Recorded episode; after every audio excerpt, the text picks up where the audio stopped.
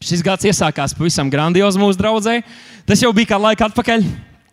Mums tika doti trīs uzdevumi, kas vienmēr ir bijuši draudzes centrā, bet šoreiz mēs tos nodefinējām 3M.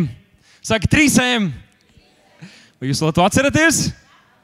Es zinu, ka jums ir spīkers, tā kā nemelojiet, ja jūs neatceraties. Mēs draudzē esam tik labi pret jums, ka dodam jums vietu un iespēju arī spīkot. Bet no tādā sabiedrībā mēs dzīvojam. un tātad pirmais ir mīlestība. Mīlestība ir pāri visam, nekas arī nedarbojas, neko mēs nevaram iespēt izdarīt bez mīlestības. Pareizi? Arī, ja jums ir ģimene, jūs audzināt bērnus, jūs nevarat īsti viņus uzaudzināt, un viņi neklausīs jūsu piemēram, jūsu vadībai, ja jūs to nedarīsiet mīlestībā. Tāpēc mīlestība visam pāri. Amen. Sākam, mīlestība. Otrakārt, māceklība. Mēs gribam darīt par mācekļiem. Tas ir mūsu draugs DNS, un tas ir tas, ko mēs esam darījuši jau gandrīz 30 gadus. Tas ir tas iemesls, kādēļ mums ir fantastiski bērnu draudzē, Tas ir iemesls, kādēļ mums ir fantastiski jauniešu draudzē. Un kāpēc mēs esam tāds kupls bariņš? Jo mēs esam kristieši, kas mēs paklausījām Jēzus pavēlēji, un viņš teica, lai mēs ejam un darām par mācekļiem visus latviešu visus cilvēkus, kas dzīvo tepat Latvijā, visādi tautību cilvēkus un arī ārpus tās robežām. Un mēs uzticām to darām, amen! Mēs darām par mācekļiem. Un trešais ir misija. Mēs gribam aizsniegt cilvēkus, kurus vēl nav kuri vēl nav aizsniegti. Mēs gribam aizsniegt tos, kuri vēl nav piedzīvojuši, kur vēl nav dzirdējuši par to, cik viņš ir labs. Cilvēkiem pasaulē ir jādzird to, cik Dievs ir labs. Viņi ir dzirdējuši par to, ka viņš ir soģis. Viņi ir dzirdējuši par to, ka viņi ir grēcinieki, ka viņi ir nožēlojami, bet viņiem ir jādzird to, cik Dievs ir labs un cik žēlastības pilns viņš ir un to, ko viņš ir paveicis katra mūsu labā. Nevelti Bībeli uzsver to ka viņš savu mīlestību uz mums pierādīja jau tad, kad mēs bijām grēcinieki, kad mēs nebijām it nekā vērti. Un šī ir tā vēsts, kur mēs nesam pasaulē. Ar vārdiem, ar darbiem, ar domām mēs sludinām evaņģēlīju. Un mēs ticam, ka cilvēki mūsu tautā tiks glābti. Mēs, tie, kas mēs te esam, nebūsim vienīgie, kas aiziesim uz debesīm no Rīgas un Latvijas. Būs vēl vairāk. Un kā GP pagājušajā svētdienā pasludināja, šīs ir Latvijas laiks, un mēs tam ticam. Mēs tam ticam, mēs ticam šādai atmodas sezonai, mēs ticam, ka kaut kam garīgi ir jānotiek un jāmainās, lai mēs ietu uz priekšu. Mēs ticam, ka tās durvis, kuras ilgi ir bijušas aizvērtas, ka tās vērsies vaļā. Ka tie aizsprosti, kur ilgi ir bijuši cieti, ka tie vērsies vaļā un Dieva atmodas šī plūsma, kad tā nāks pār mūsu tautu, un mēs redzēsim, kā desmitiem, simtiem un tūkstošiem mūsu līdzcilvēki piedzīvos viņu. Mēs ticam tam. Jūs ticat? Jūs ticat? Paldies par jūsu entuziasmu. Jūs ticat?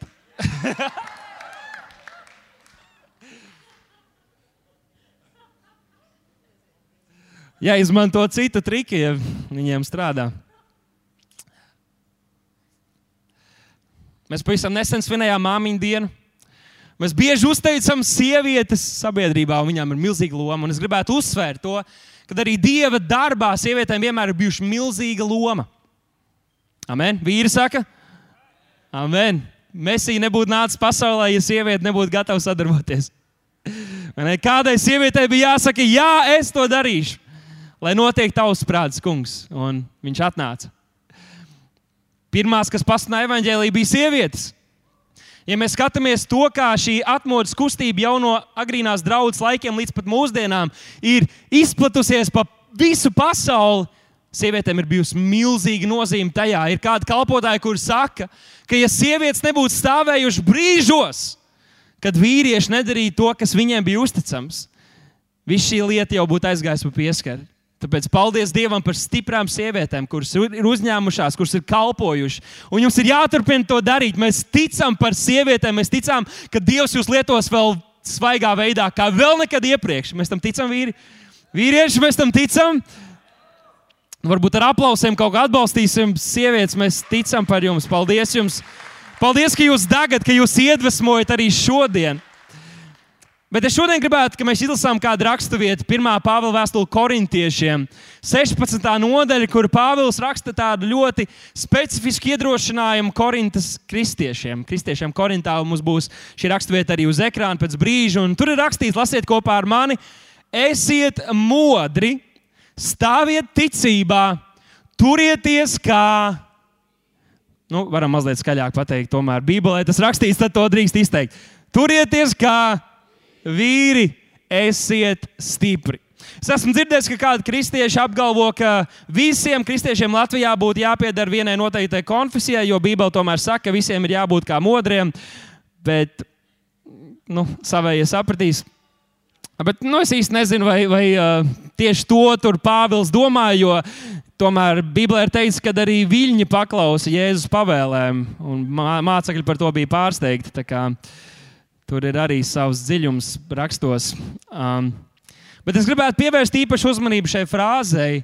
Turieties kā vīri. Pasakādam savu blakus sēdošajam, turies kā vīrs. Neturies pie manis vai pie sēdekļa, bet nu, turies. Turies kā vīrs, un turies kā vīrs šī frāze nozīmē parādi sevi kā īstu vīrieti. Esi drosmīgs. Citiem vārdiem ir citi tulkojumi, kur nav teikts, turieties kā vīri, bet gan esiet drosmīgi. Pasakām savu blakus, esi drosmīgs. Esi drosmīgi. Šī frāze Bībelē ir lietota trīs reizes. Vienreiz jaunajā darbā, tā raksturvieta, kur mēs tagad lasām, un divas reizes vecajā darbā. Abas reizes vecajā darbā šī frāze lietota kontekstā, kad ir kaut kāds apdraudējums, un no šiem cilvēkiem, uz kuriem tas tiek runāts, sagaida, ka viņi rīkosies drosmīgi vai pat pārdroši, lai pasargātu kaut ko vai lai ieņemtu kaut ko.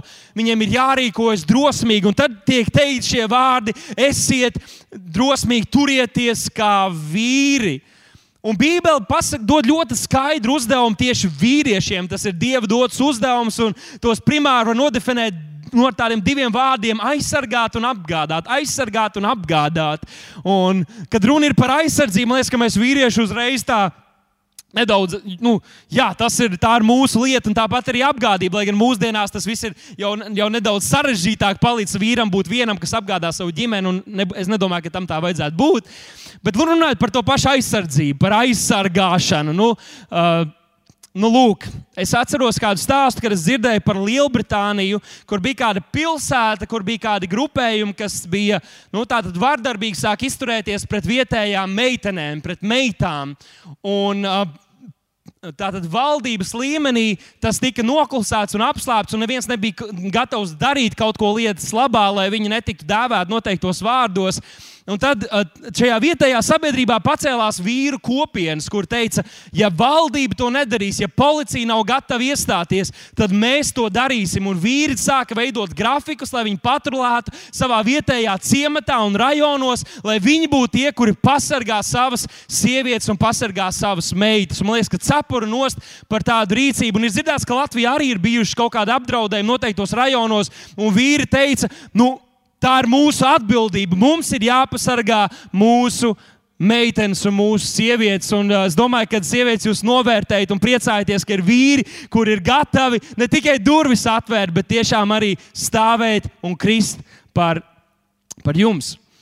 Un kā jau es teicu, šo sieviešu nozīmu, lomu atmodas kustībā to ir grūti nu, pārvērtēt, bet tāpat mēs nevaram ignorēt vīriešu lomu. Un šodien es gribu arī uzrunāt vīrus, kas jūs esat mūsu vidū. Jo, ja mēs ievērojam visas šīs lielās atmodas, ja mēs ievērojam visādas uh, revolūcijas, kas ir bijušas, izgudrojumus, kur, kur ir veikti, lai sabiedrība varētu iet uz priekšu un attīstīties, tad lielākoties pie sprites, ja tā var teikt, ir bijuši vīri Un tātad mums ir arī sava loma tajā, lai Dieva darbs varētu iet uz priekšu un lai atmodu varētu notikt kā draudzē, tā arī sabiedrībā. Un mums ir jāieņem savu vietu. Ja mēs skatāmies uz Bībeles tekstu, tad mums nevienam noslēpums nav tas, ka Jēzus nebija sieviete, bet gan vīrietis. Un arī 12 mācekļi, kuri bija kopā ar Jēzu, arī bija vīrieši, ja mēs skatāmies par lielām lietām, kuras Bībelē ir paveikts, sievietes paveic ļoti daudz, un es nemaz tagad nemēģinu pamazināt jūsu lomu, kā jūs uzsvērt. Jūs esat fantastiski un brīnišķīgi. Es cenšos iedrošināt vīrus, ceru, ka jūs man palīdzēsiet, dāmas.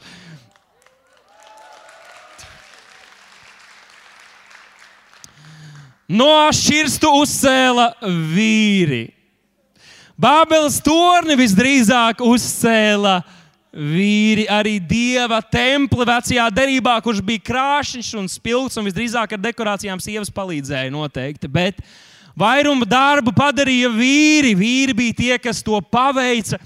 Un tas, ko es redzu, ir rietumu sabiedrībā, un iespējams, ka Latvijā to vēl tik ļoti nevar novērot, tad rietumu sabiedrība ir sabiedrība, kura ir atstūmusi Dievu, kura no šīs sabiedrības kopuma un, un domas ir izstūmusi Dievu kā, kā, kā realitāti, un šī sabiedrība vairs netic Dievam. Un jāsaka, ka līdz ar to šī sabiedrība vairs netic arī patiesai vīrišķībai. Un līdz ar to arī vīrieša tēls un līdzīgi arī sieviešu tēls ir degradēts. Ideāls, pēc kura agrāk vīrieši varēja dzīties, kas bija pēc bibliskiem standartiem, vīrs, par ko viņš stāv, kāds viņš ir. Mūsdienās par to pasmējas, mūsdienās to nicina un varbūt kārdinājums arī vīriešiem, kur ir draudzē. Vīriešiem, kas mēs dzīvojam mūsdienu sabiedrībā, iet līdz ar šo domu, ka tas, kā Bībele raksturo vīru, ka tas ir kaut kas kas svešs un kaut kas, par ko ir vērts pasmieties. Bet es ticu, ka ir laiks arī vīriem šeit, Latvijā, un es zinu, ka mums ir daudz brīnišķīgu piemēru šeit pat draudzē.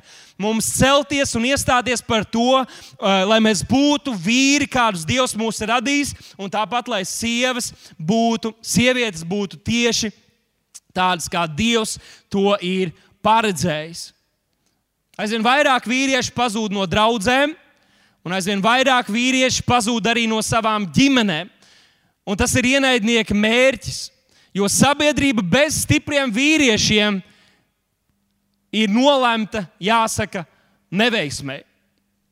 Jauns vīrs aizvien mūsu sabiedrībā uzaudzina vientuļas sievietes un, es, un vientuļās māmiņas.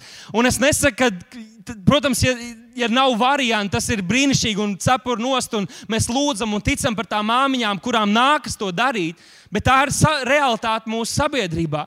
Un ja šie dēli neiegūst pamācību no saviem tēviem, iespējams, ka viņi neuzklausīs šo savu māti, bet viņi atradīs kādus citus piemērus, no kuriem mācīties. Un bieži Šie piemēri nav tie labākie. Un tādēļ mēs redzam, ka arī puiši, vīri mūsu sabiedrībā biežāk par savu piemēru izvēlas kādas slavenības, izvēlas kādas filmu varoņus, kur viņi redz, ka citi priecājas un redz tos kā piemēru, bet tas nav tas, kā tam ir jābūt. Šodien Dievs runā uz vīriem, un šodien Dievs runā uz sievēm, sievietēm savā draudzē, atvainojos sievietēm savā draudzē, lai mēs ceļamies lai mēs ceļamies līdzīgi kā dieva eņģelis uzrunāja Gideonu, kurš nevis pavisam neizskatījās vīrišķīgs, tur slēpjamies. Dievs viņam teica, tu stiprais un varenais vīrs. Šodien Dievs runā uz tavu potenciālu kā vīrieti. Tu, Dievs šodien runā uz tavu sievietes potenciālu. Tu stiprais un varenais vīrs, tu stiprā un varenā sieviete. Es šodien gribu izlasīt pirmā mūža grāmatu pirmās mūža grāmatas pirmo nodaļu un 27. pantu, kur ir rakstīts, Dievs radīja cilvēku pēc sava tēla. Lasām kopā skaļi. Pēc dieva tēla viņš to radīja, vīrieti un sievieti viņš radīja. Šodien es gribu runāt par tēmu par vīrišķīgiem vīriešiem un sievišķīgām sievietēm.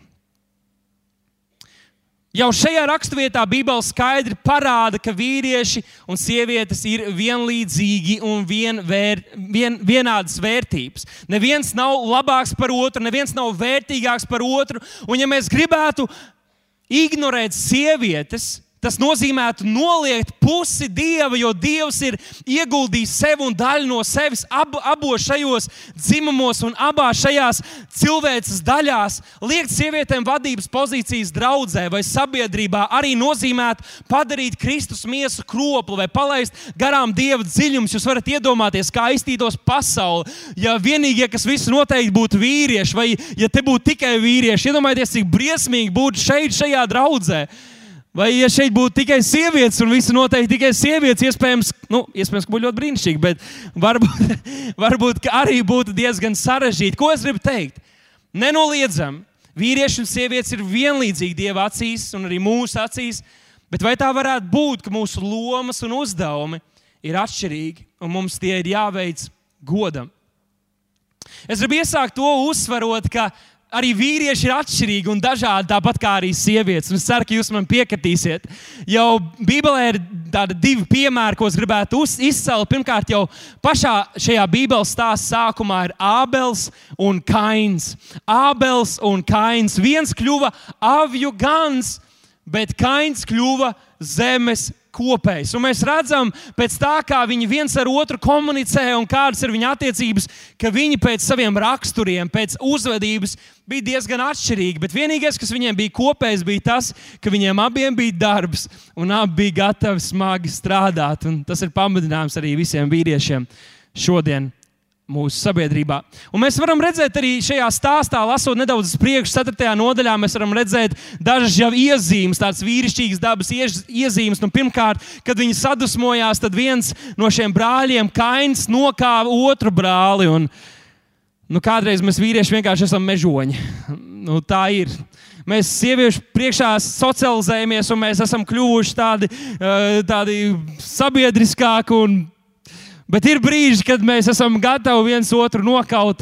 Tas biežāk mūsdienās izpaužas sporta, sporta tādās, uh, kad mēs sportojam, kad mēs sacenšamies. Bet uh, tā ir viena no tādām dabām, kas tur parādās sāncensība, cīņa. Un tāpat, kad Dievs nāk un uzrunā kainu, tad interesanti, ka kains atbild tādā sarkastiskā veidā Dievam. Un, un, un Dievs prasa, kur tad ir tavs brālis? Un kains saka, vai tad es esmu savu brāļa aukla, vai tad man viņa ir jāpieskat? Nu, tā ļoti savādi un nu, nedaudz vīrišķīgi. Varbūt viņš tur atbild. Nu, mēs varam skatīties uz Martu un Mariju. Marta bija tā, kas izgāja Jēzum pretī. Marija bija tā, kas palika un vēl nedaudz gribēja paraudāt un žēloties un pārdzīvot par to, kas bija noticis. Viņas bija zaudējušas brāli. Viņas abas Jēzum teica, ja tu būtu bijis te, viņš būtu izdzīvojis. Viņas jūta līdzi, viņas tiešām bija aizgrābtas par to, kas bija noticis. Um, kad Jēzus pavēla atstumt malā šo lielo akmeni no kapa, lai viņš sauktu ārā lācaru, Mārta saka, bet viņš jau ož. Viņa bija jūtīga. Varbūt vīrieši nebūtu uzsvēruši to, ka tur ir slikta smaka, viņi būtu domājuši par kaut ko citu. Tad mēs redzam arī nedaudz vēlāk šajā stāstā, Marta ir tā, kas čakli, čakli strādā un dusmojas, ka Marija nepalīdz varbūt tas arī kaut kā nedaudz iezīmē to, kādas īpašības, kuras ir redzamas kādās vairāk, teiksim, sievietēs. Pirmā pētera vēstulē, 3. nodaļā, 7. pantā, mēs redzam, ka Bībele mums atklāja, ka vīrieši un sievietes arī ir atšķirīgas. Atšķirīgi. Un es gribētu, lai mēs izlasītu šo raksturvietu. Un es zinu, ka mūsdienu feminismu kultūrā, pārņemtajā kultūrā, ir kādiem grūti to saprast, bet te ir rakstīts, ka tāds pamudinājums vīriem, pamācība vīri sadzīvojiet prātīgi ar sievu. Un agrāk es lasīju šo tekstu, un es nu, nevarēju saprast, ko viņš īsti saka, nu, kā tas ir prātīgi. Bet tagad es saprotu, ka es esmu laulībā.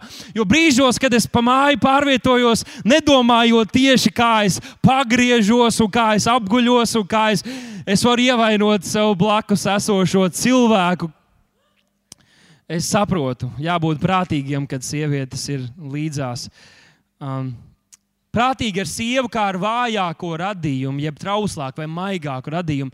Godājiet viņas kā tādas, kas ir žēlastībā dotās dzīvības līdzmantinieces. Atkal viņš saka, jā, viņas var būt arī fiziski un kaut kādā citā veidā mēs esam atšķirīgi, bet jums ir jāizturas vienlīdzīgi ar viņām, jo viņas ir tās pašas žēlastības līdzmantinieces. Jūs neesat ne labāki, ne arī sliktāki. Un ir svarīgi, ka mēs arī kā vīrieši saprotam, ka mēs neesam aicināti vai laulībā, vai vienkārši sabiedrībā. Mēs neesam aicināti dominēt pār sievietēm, bet gan kalpot viņām. Nevis dominēt, bet gan kalpot, kā Kristus ir kalpojis draudzē. Un ir kāda vīrieša arī mūsdienu sabiedrībā un draudzē, kur saka, nu jā, bet Bībele saka, taču, ka vīrieši ir sieviešu galvas. Un tā es saku, nē, nē, ne jau mana sievas galva tu esi. Un arī manas meitas galva tu esi, ja tu esi šajā zālē. Un, ja tev liekas, ka tu esi mans sievas vai manas meitas galva, tad atnāc un es tev parādīšu, kur ir tava galva. Būs nopietnas problēmas, jo tas nav tas, ko Bībele māca. Nu, mēs jau redzam šo atšķirību, man liekas, bērnībā. Nu, es, es saku, tas nevienmēr ir ideāli tā, bet atšķirība ir redzama, ja tu paņem tādu vidējo vīrieti, vai vidējo zēnu, vidējo meiteni vai vidējo, vidējo sievieti. Tad tur tās atšķirības parādās, ka kaut kā citādāk mēs esam veidoti. Un varbūt mūsu dizainers jau bija to ieplānojis pašā sākumā, ka mēs būsim nedaudz atšķirīgi. Nu, es redzu tādus mazus zēnus.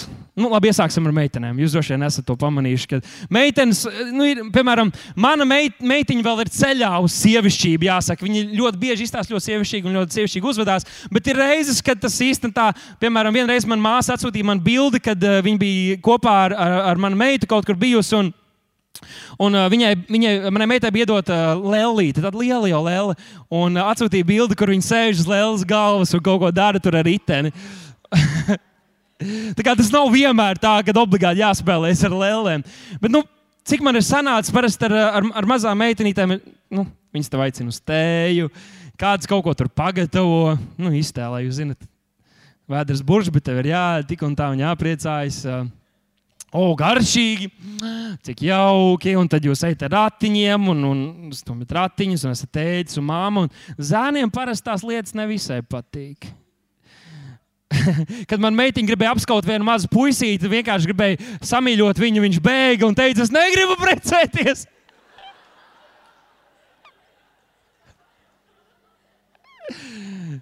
Tikai ne to. Zēniem tu kādreiz iedod mašīnīti, un tu domā, ka viņi braukāsies. Un ir kādi, es esmu dzirdējis par kādiem zēniem, kas ļoti, ļoti pēta, bet ir kādi, kas sāk viņu daudzīt visur. Tu aizej uz kādu balīti, un kad tu beidz spēlēties ar meitenēm un dzert tēju, atnāk džeki, viņi to tur metas virsū, sāk tev spārdīt, sāk tev sīst. Džeki, džeki, mierīgāk, mierīgāk. Esiet vīšķīgi atcerieties, te ir meitenes blakus.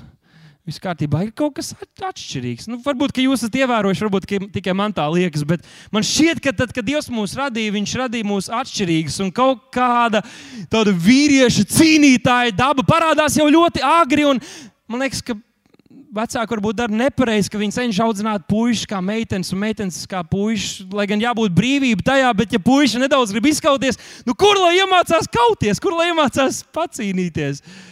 Jo tāda brīža dzīvē taču pienāks un būs vajadzīgs sevi aizstāvēt un savu ģimeni aizstāvēt. Es dzirdēju kādu stāstu par mazu zēnu, kurš jau no bērnības uzauga šeit, mūsu draudzē. Viņš ļoti pārdzīvoja, jo skolā bija kāda, kas apcēla viņa māsas un apcēla arī viņu kaut ko tā. Viņš tā kā pārdzīvoja, jo viņam bija jābūt ļoti dievbijam. Un tad uh, viņš parunāja ar savu tēvu un teica viņam, pastāstīja, vai tu dzirdēji par kādiem varoņiem Bībelē. Nu, piemēram, Dāvids, viņš bija karavīrs, viņš cīnījās, viņš aizgāja un nogalināja tur daudzus varoņus. Viņš bija tik priecīgs, viņš aizgāja uz skolu un piekāpa tos puikas, kas darīja pāri viņa māsām. Un kopš tā brīža viņa māsas dzīvoja laimīgi. ir kaut kas īpašs tajā, no kāda mēs vīrieši esam. Kādam ir jāstāv par to, kas ir taisnība, kas ir pareizs, un kādreiz vīriešiem ir jābūt gataviem arī cīnīties. Bībelē mēs redzam arī vairākus tādus piemērus, arī kad jau šie pieaugušie rīkos dažādos veidos, un es gribu uzsvērt tos pašus mācekļus. Mēs esam dzirdējuši šos piemērus, piemēram, Lūkas evanģēlī 22. nodaļā. Mēs redzam šo stāstu, kad Jēzus tikko ir beidzis sarunāties ar mācekļiem un stāstīt viņam, viņiem par ciešanām, kurām viņam būs jāiet cauri. Un nākamajā brīdī jau mācekļi izce, viņiem izceļ strīds, skatieties, viņu starpā izcēlās strīds, kurš no viņiem būtu uzskatāms par lielāko. Nu, ir vīriem tāda sacensība, sāncensība. Katru reizi, kad telpā ir divi vīrieši, lielākoties būs kaut kāda berzēšanās, cīņa. Nu, varbūt ne draudzē, draudzē ir tāda neitrālā zona. Šeit mēs visi esam, kā saka, eņģeļi, mīlestības mākonīši. Vēl kādā vietā mēs redzam, ka Jānis raksta par sevi, ka viņš ir māceklis, kur Jēzus mīlēja. Un mēs vienmēr to uztvērām, ka tas ir, nu, viņš bija ārkārtīgi mīļš un maigs. Bet varbūt viņš bija egomāns. varbūt viņam vienkārši bija liels ego, viņš visur bija pirmais, viņš bija svarīgākais un mīļākais.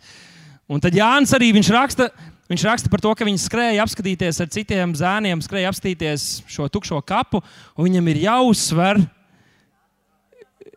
ka viņš bija pirmais.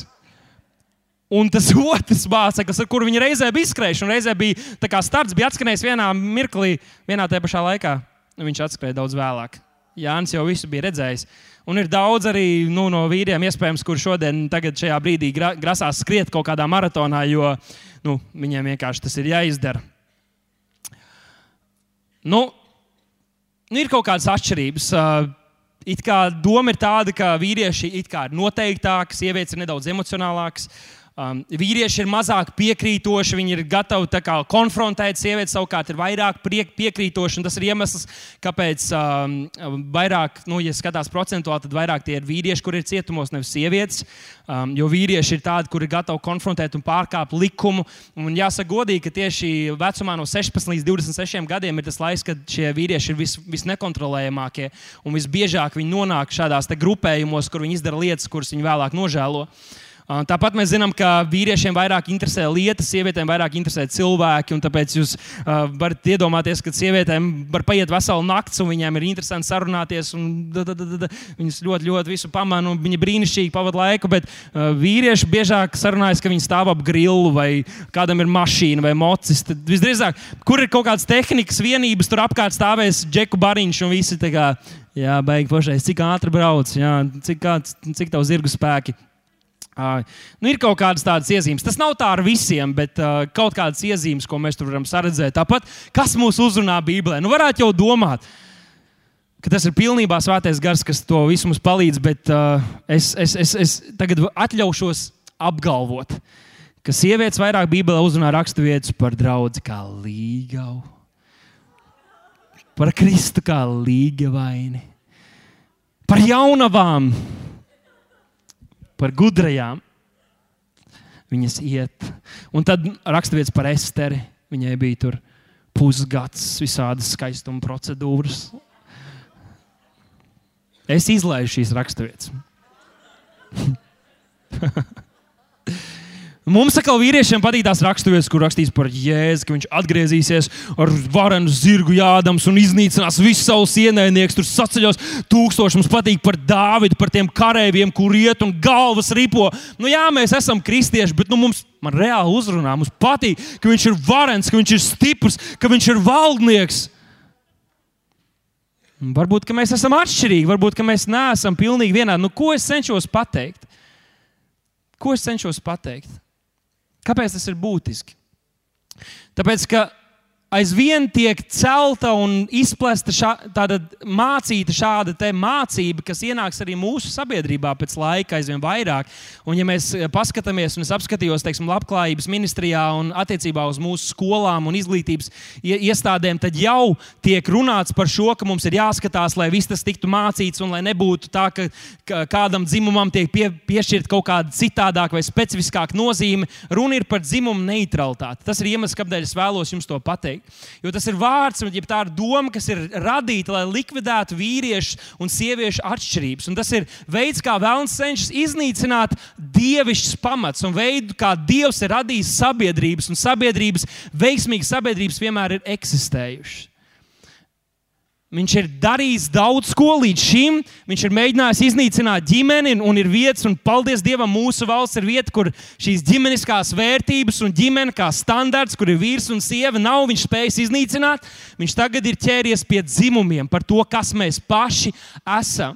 Un ļaujiet man jums paprasīt, tātad neitrāls dzimums kad gan vīrišķība, gan sievišķība tiek uzskatīta par kaut ko nepieņemamu, mums visiem ir jābūt nosacīti līdzīgiem. Ļaujiet man jums prasīt, ja sievietes un vīrieši nav atšķirīgi, ja tas ir vienkārši kaut kas, ko mēs iemācāmies sabiedrībā, kā mūs uzaudzina, kāpēc tad ir vajadzīgi ģimenē vīrietis un sieviete? Ja viņi nav atšķirīgi, ja mēs esam pilnīgi vienādi, Kāpēc tad nevar divi vīrieši audzināt bērnus? Kāpēc nevar divas sievietes audzināt bērnus? Jo viņas taču arī var izturēties tāpat un spēlēt to lomu, ko vīrietis it kā dotu šajā ģimenē.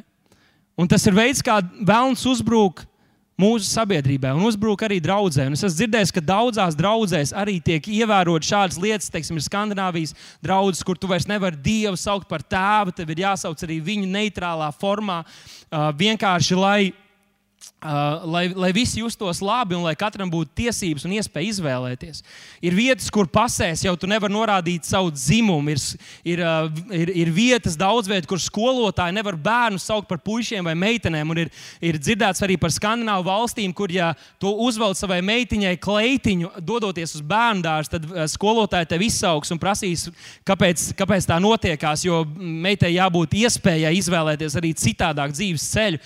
Ir vecāki un ir slavenība sabiedrības, kur jau izvēlas audzināt savus bērnus šādā bezpie, eh, bezdzimumu, ar šo bezdzimumu pieeju, lai bērns varētu pats izvēlēties. Un visbiežāk jau šādi vecāki grib, lai izvēlas šo pretējo, lai tad sabiedrības acīs viņi būtu tādi ļoti liberāli un visiem pieņemami un, un at, saņemtu atbalstu. Ir daudzas kultūras un valstis attīstītas, kuras sievietes, kuras izvēlas audzināt pašas savus bērnus un kādreiz pat atstāt uz laiku karjeru vai, vai kaut ko tādu. Viņas sastopas ar nosodījumu, lai gan feminisms ir cīnījies par sieviešu vienlīdzību, lai viņas var izvēlēties. Ja sievietes kaut ko izvēlās, kas nav saskaņā ar šo viņu domu, tad viņas tiek sodītas un nosodītas ir.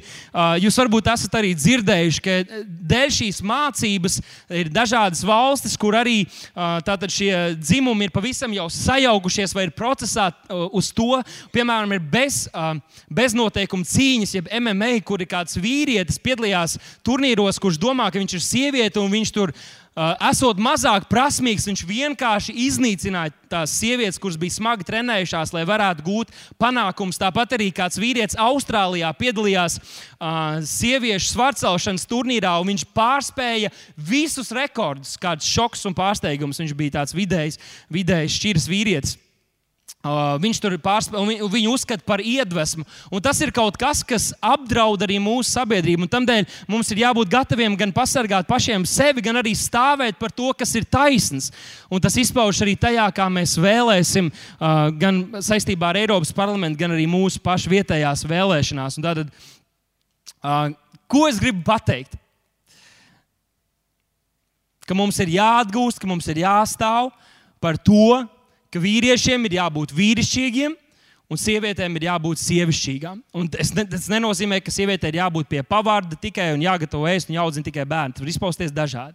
Bet mums ir jāstāv par to, un īpaši šodien uzrunāju vīrus. Mums ir jābūt tādiem. Un protams, ka nerunāju par goliāta tipa vīriem, tādu bravūrīgu, kaut kā, ej, mazā, oh, jā, mačo džeki. Un sabiedrībā, ka mēs domājam, ka tie ir tie īstie veči. Tas īstais vīrietis tajā stāstā bija Dāvids kurš uzticējās Dievam, kurš bija gatavs cīnīties par to, lai pasargātu savu tautu, lai pasargātu savus līdzcilvēkus, kurš bija uzticams Dievam, uzticams saviem līdzcilvēkiem. Un viņš bija gatavs cīnīties. Un jūs jau zināt, ka ir atšķirības starp tēviem un tēviņiem. Mums vairāk vajag tēvus un mazāk tēviņus mūsu sabiedrībā, jo nav māksla uztaisīt bērnu, māksla ir uzaudzināt bērnu. Un šis ir izaicinājums arī vīriem mūsu draudzē un sabiedrībā un tiem vīriem, ar kuri, kuriem mēs līdzās dzīvojam. Jo Mums ir vajadzīgi vīri, kur pieceļās un dzīvo saskaņā ar to aicinājumu, kā Dievs mūs ir aicinājis. Vai mēs atsaucamies? Un tāpēc man ir liels prieks par vīru darbu, kurš notiek draudzē. Man ir liels prieks par mazajām grupām un vīriem, kur atsaucās un aizliedz sevi un kaut kādas savas hobijas. Lai reizes divās nedēļās sanākt kopā un lūgt un, un viens otru izaicināt, būt vīrišķīgiem vīriem un mīlēt savus sievas un audzināt savus bērnus un dzīvot svētas dzīves. Un šeit uh, tas nav top 3. Tas ir varbūt mans top 3. Nu, ko nozīmē būt vīrišķīgam vīrietim un sievišķīgai sievietei? Un, uh, tas nenozīmē, ka sievietes nevar būt ar, ar šī, šīm īpašībām. Mēs redzam, arī teiksim, kaut kā mana māte ir brīnišķīgi atbildīga, uzticama un drosmīga. Viņa ir lūkšana lauvena, bet tajā pašā laikā tas, kas viņu padara par īstu sievišķīgu sievieti, ir šīs puses. Un Nu, es, es tikai gribu pateikt to tā, jūs varat izdomāt savu definīciju, ko jums nozīmē būt sievišķīgam, un sievišķīgai un vī, vīrišķīgam. Jūs varat pateikt savu definīciju. Šis ir mans top 3. Sievišķība. Tas ir maigums. Uh, nu es jau teicu, savā ģimenē es esmu iemācījies to, ka uh, maigākā mūsu ģimenes daļa ir mana sieva. Un paldies Dievam, jo es kādreiz esmu kā ceļrulis. Un, uh, uh, nu, tas tā ir vajadzīgs vienkārši. Un paldies Dievam par šo pretējo saka, pusi. Uh, tāpat arī skaistums. Viņa, man sieva noteikti ir mūsu ģimenes eh, daļākā puse. Eh, paldies Dievam, manas meitiņai paveicās. Uh, Un viņi arī visu padara skaistu, visu, kur viņi pieliek savu roku, un viņi ienāk telpā. Tāpat arī jūs, dāmas, kas, eh, kas jūs nesat šo dieva doto svaidījumu un skaistumu, jūs, jūs esat liela svētība mūsu sabiedrībai. Un vēl īpaši man šķiet, ka tā, tā šī empātijas spēja. Arī mana sieva un lielākā daļa jūs, dāmas, esat līdzjūtīgāks un spējīgs izprast citus vairāk nekā mēs vīrieši kādreiz to spējam. Savukārt vīriešiem, un, protams, ka sievietēm, kā jūs teicat, visas šīs īpašības arī ir vajadzīgas, bet vīrieši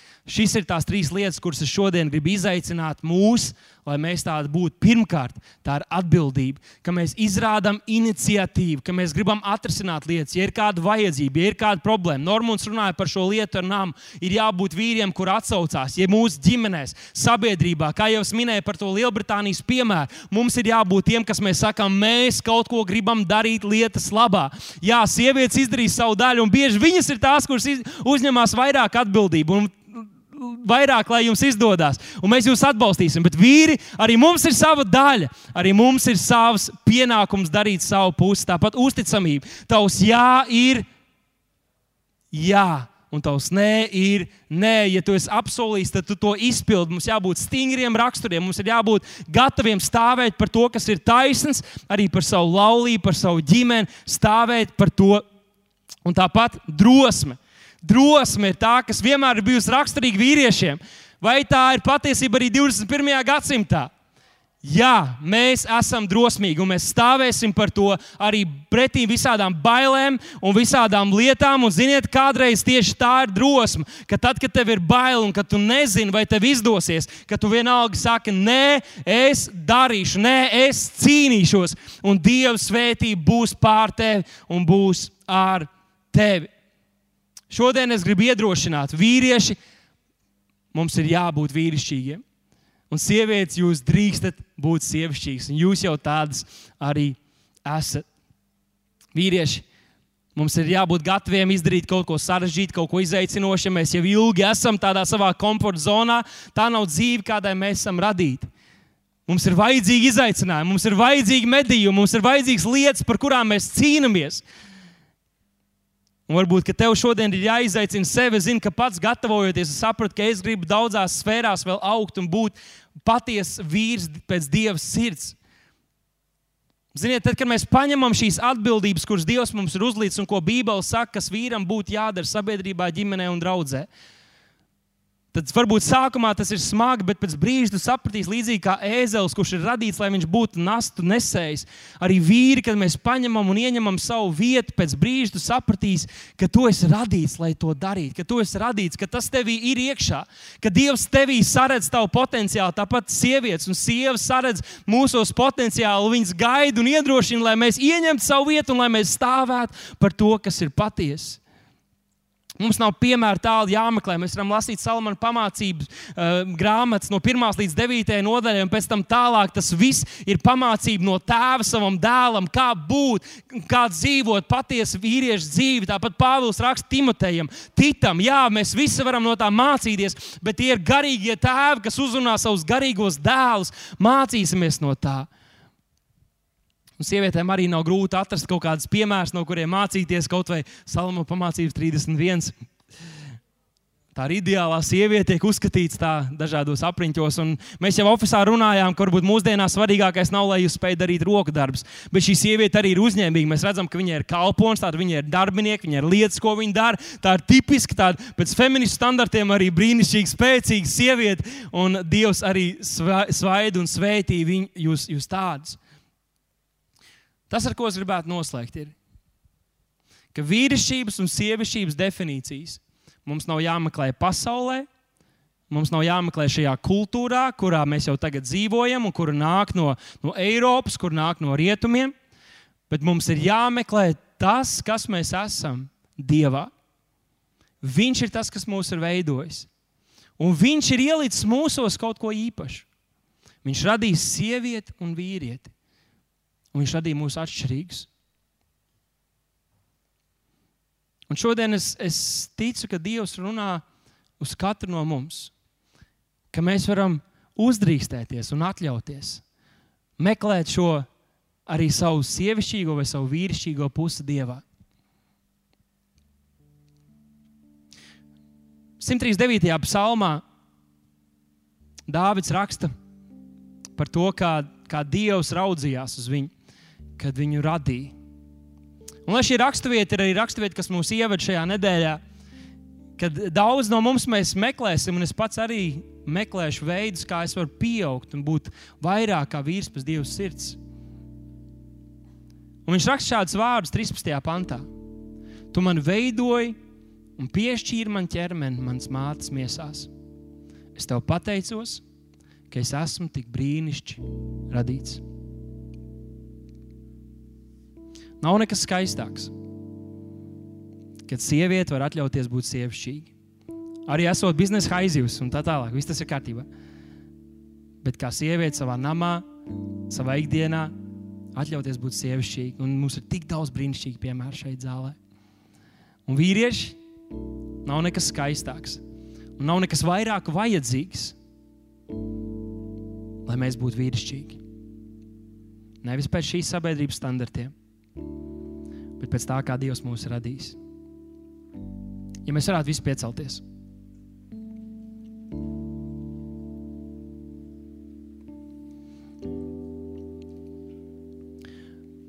Tēvs, mēs pateicamies, ka Tu esi mūsu radītājs Dievs. Tās, mēs ticam atmodē. Mēs ticam Tavam darbam virs zemes. Un mēs ticam, kungs, ka katram no mums ir sava loma un savs uzdevums šeit virs zemes. Mēs gribam atsaukties šim vārdam, Tēvs, ko Tu runāsi par mums. Tāpēc šodien mēs, mēs lūdzam, un mēs runājam uz mūsu vīru potenciālu. Jēzus vārdā, Tēvs, ka mēs varam spērt nākamos soļus, Tēvs, un celties kā vīri. Parāda mums, atklāja mums svētais gars, ko nozīmē būt patiesam vīram ģimenē, sabiedrībā, draudzē. Tas es pateicos par daudzām sievietēm, tās, kuras varbūt kādi jūtās, kungs, ka, ka, ka sievišķība nemaz nav kaut kas, ar ko viņai ir kaut kas kopējs. Varbūt. Es pateicos, kungs, ka svētais gars to atklāja un atver viņu acis tēvs, ka viņas var ieraudzīt sevi un izbaudīt to, kādas tu viņas esi redzējis, radījis tēvs.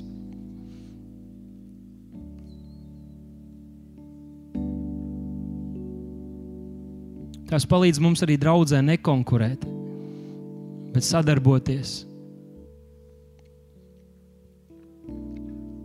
Palīdz mums vīriešiem atbalstīt sievietes. Tas un palīdz arī sievietēm tās atbalstīt un celt vīrus. Un mēs ceļamies šodien, Tēvs. Un viss draudz teica, Āmen.